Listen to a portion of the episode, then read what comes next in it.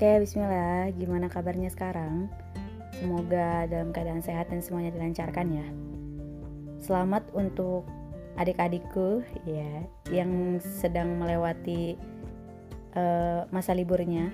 Doakan untuk kakak kamu ini yang sedang mempersiapkan KKN, seminar proposal dan segala macamnya.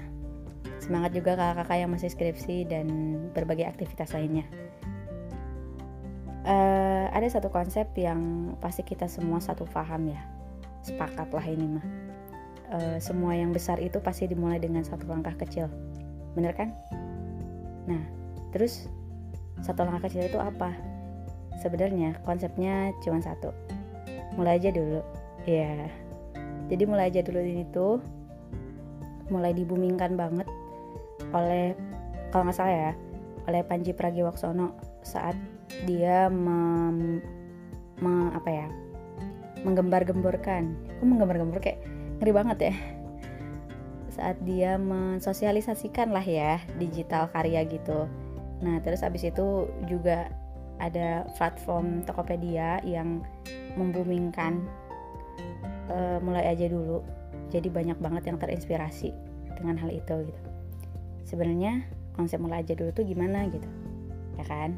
Nah kita coba ke satu penelitian. Penelitian ini terjadi di Amerika Serikat oleh profesor yang ngetes orang dua orang lah ya kita sebutnya.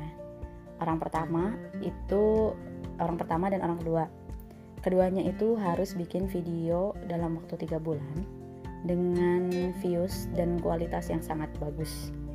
Nah, orang pertama itu dia planning riset gitu. Riset dulu planning dulu untuk bisa dapat video yang bagus.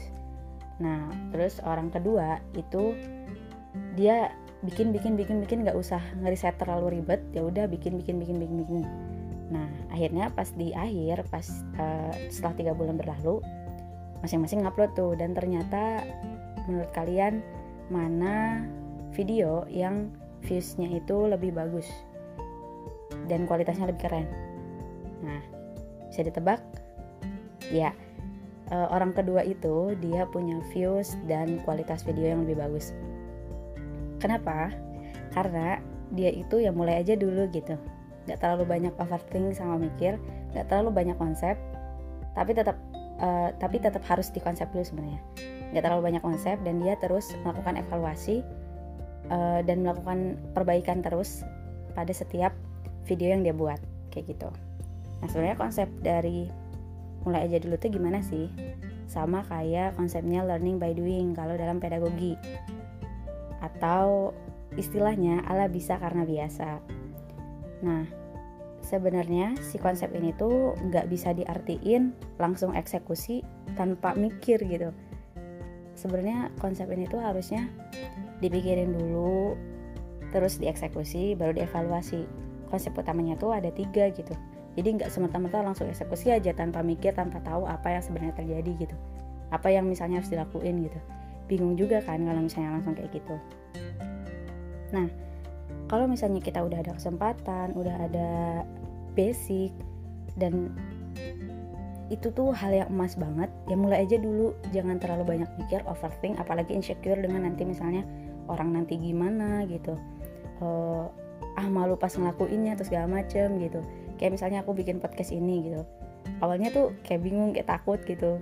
Apa ya gimana ya pandangan orang? Gimana uh, ngeganggu gak ya? Gini ya gitu nggak ya gitu. Tapi setelah mulai aja dulu ya jalani aja gitu. Semoga ini bisa bermanfaat buat semua orang. Terus tujuan aku juga buat sharing dan segala macem ngobrol ya it's okay gitu. Kayak gitu. Misalnya kayak gitu. Jadi sebenarnya step dari uh, mulai aja dulu itu ada tiga. Pertama persiapan to do kedua itu uh, aplikasinya atau doing tiga itu proses evaluasinya atau done nah balik lagi ke konsep yang tadi yang bikin video.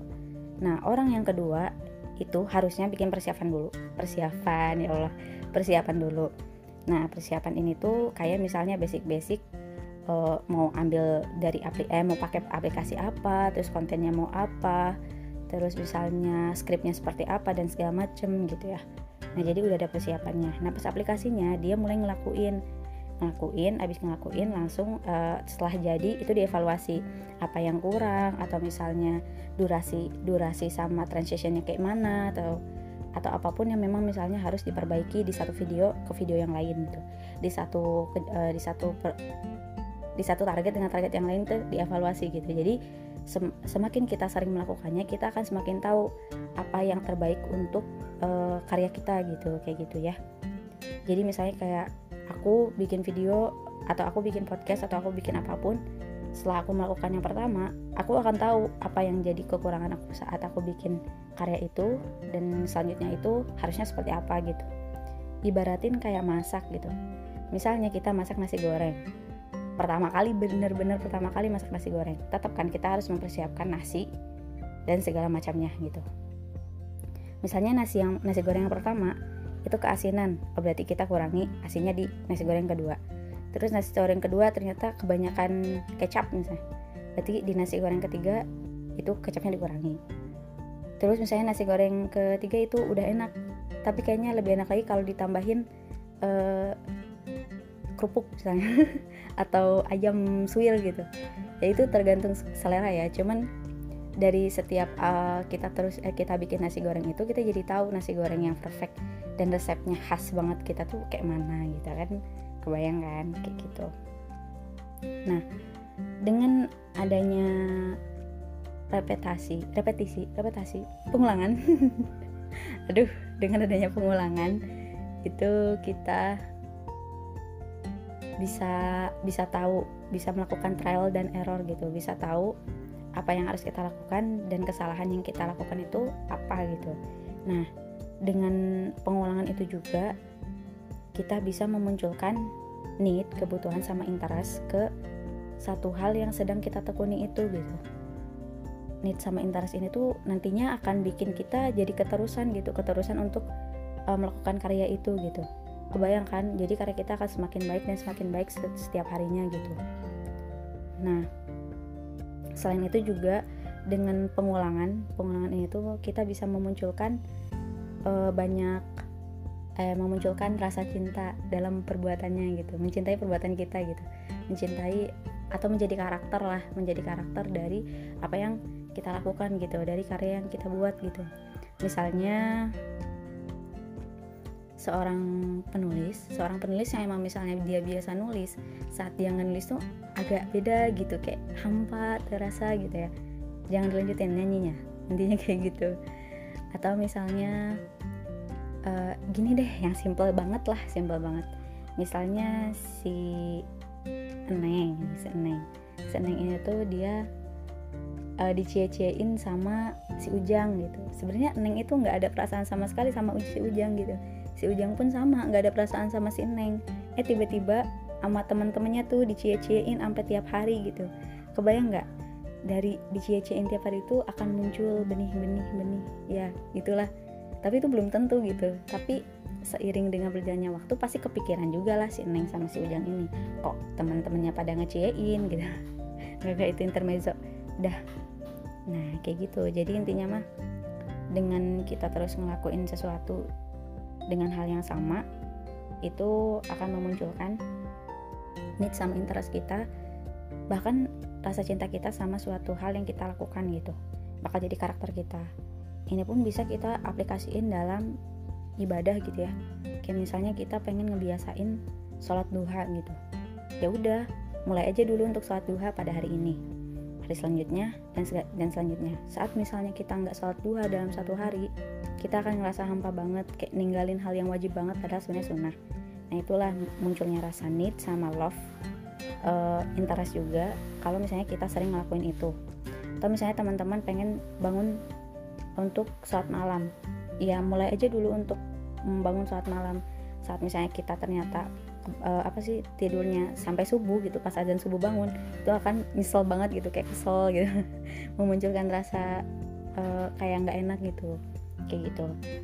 Begitupun misalnya untuk teman-teman yang punya bakat nulis bakat berdongeng bakat apa pun lah yang teman-teman suka gitu ya.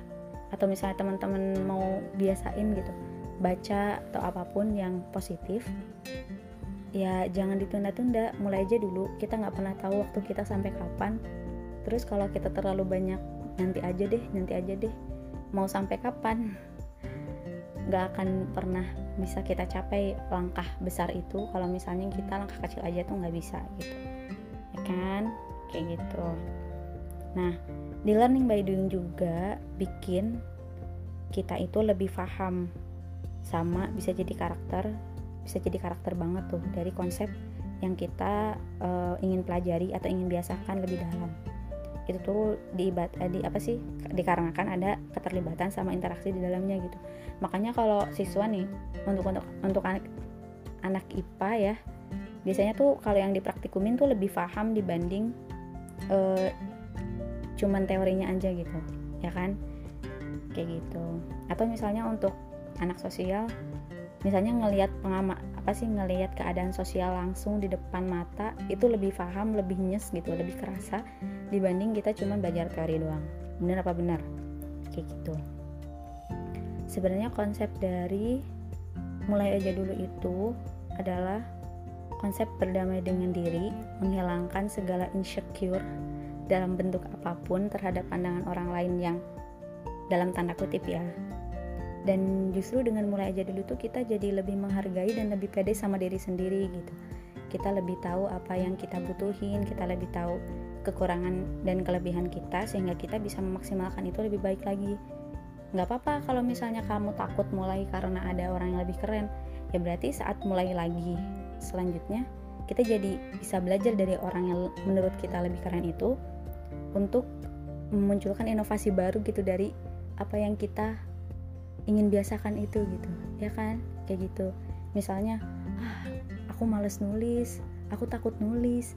Kan ada orang yang lebih keren mereka aja nggak nulis kok aku nulis? Ya nggak apa-apa misalnya. Atau misalnya malu karena yang lain nulisnya kayak gini kayak gini ya nggak apa-apa. Yang penting kamu udah mulai dan dari situ kamu bisa belajar dari orang-orang yang udah nulis duluan gitu. Jadi kamu bisa lebih baik lagi dalam nulis selanjutnya selanjutnya selanjutnya gitu. Kayak gitu ya. Makanya standar dari bahagia adalah kita yang tentukan. Ya kita tergantung kita ngelihat perspektifnya. Kalau kita ngebandinginnya untuk belajar ya it's okay. Tapi kalau kita ngebandinginnya untuk bikin kita down jatuh hmm, kurang-kurangin aja. Yang penting kita yakin sama diri kita. Uh, pastinya ikhtiar ini adalah niatnya karena Allah ya. Benar-benar diserahkan sama Allah karena yang punya ilmu yang uh, maha menghendaki adalah Allah. Jadi kita lakukan Bismillah niatkan Allah dan serahkan semuanya pada Allah hasilnya. Yang penting kita udah berusaha untuk mengoptimalkan apa yang udah Allah titipkan kepada kita berupa bakat apa pun itu. Atau misalnya Allah titipkan kepada kita amanah-amanah lain yang kita tidak bisa sebutkan.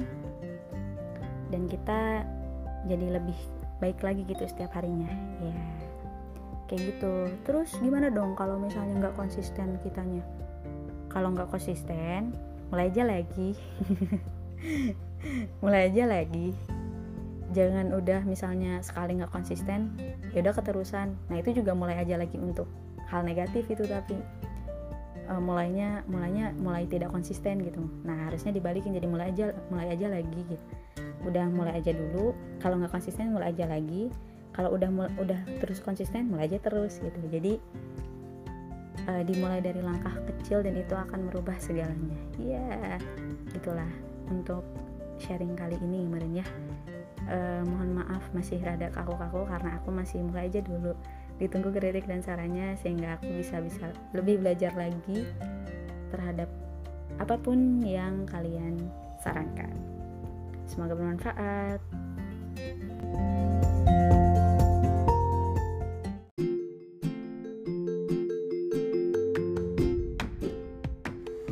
Bismillah, Terima kasih telah berkenan untuk mendengarkan cerita dari saya di podcast kali ini. Kamu juga bisa buat podcast sendiri dengan download aplikasi Anchor di Play Store. Saya tunggu ya kreasinya.